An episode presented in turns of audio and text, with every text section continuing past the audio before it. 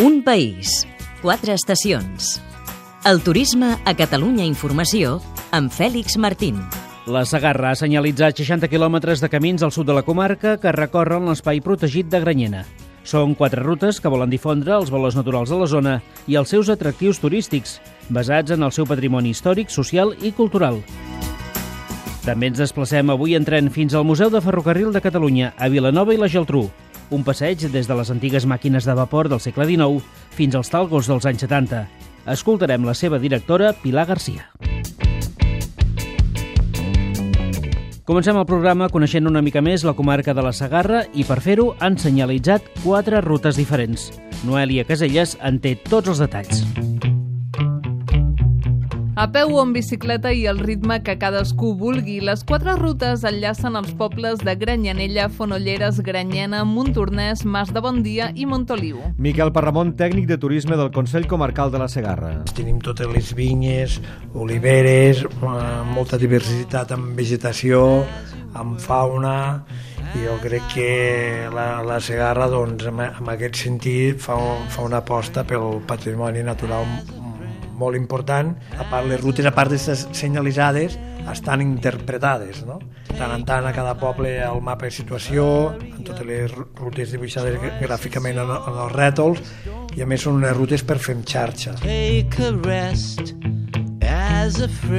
L'objectiu d'aquestes rutes és posar en valor una zona amb atractius naturals i amb un important patrimoni històric i cultural. Maria Josep Jové, de l'àrea de turisme del Consell. Dinamitzar sobretot el, el sud de la comarca, perquè era una zona que no, no turísticament no s'hi ha fet gran cosa. Posar en valor el paisatge natural, doncs també es posa en valor doncs, el paisatge etnològic. No? Al llarg de la ruta podem trobar pletes, parets de marge magnífiques, cabanes de volta i elements del patrimoni cultural també de primer ordre, no? com la Torre de la Mella, com la Vila Closa de Mas de Bondia, com el cementiri i les escoles modernistes de, de Montornès.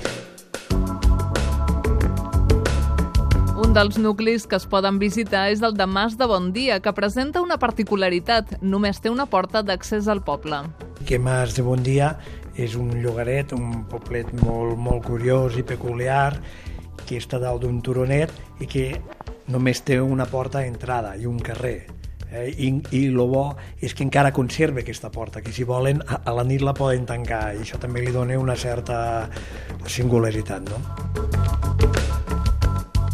Al llarg de les rutes hi ha diversos miradors, com el del poble d'Ametlla de Sagarra, a més de 700 metres d'altitud, d'on es té una panoràmica de tot el Pirineu. Un mirador panoràmic on es pot veure gairebé tota la comarca de la Segarra mirant cap al nord i gairebé totes les terres de Lleida i també és un dels pocs punts de Catalunya que es pot veure el Pirineu d'ample a ample, eh? des del Pirineu de Girona fins al Pirineu d'Aragó per la seva perspectiva geogràfica. El Consell de la Sagarra organitzarà aquesta primavera sortides amb entitats excursionistes i amb els clubs ciclistes de la comarca per difondre i potenciar les quatre rutes. El turisme a Catalunya Informació amb Fèlix Martín. Soc Pilar Garcia, la directora del Museu del Ferrocarril de Catalunya.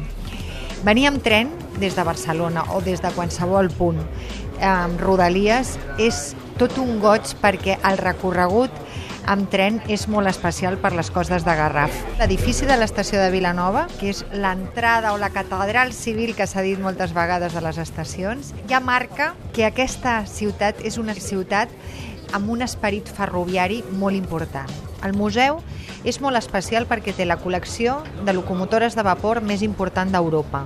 Hi han 28 locomotores i es fan moltíssimes activitats per les famílies, per tot tipus de públics. Jo puc garantir que les persones que decideixin venir eh, aquest hivern o aquesta primavera al museu gaudiran d'un dia molt especial vinculat al, al món del ferrocarril, que és un món màgic, com tots sabem, i faran un viatge pel segle XX amb tren. Tenim un talgo magnífic, eh, dels primers talgos que van funcionar. És una experiència i unes sensacions molt especials el que nosaltres podem assegurar que es tenen al museu i després tota la ciutat, ja dic.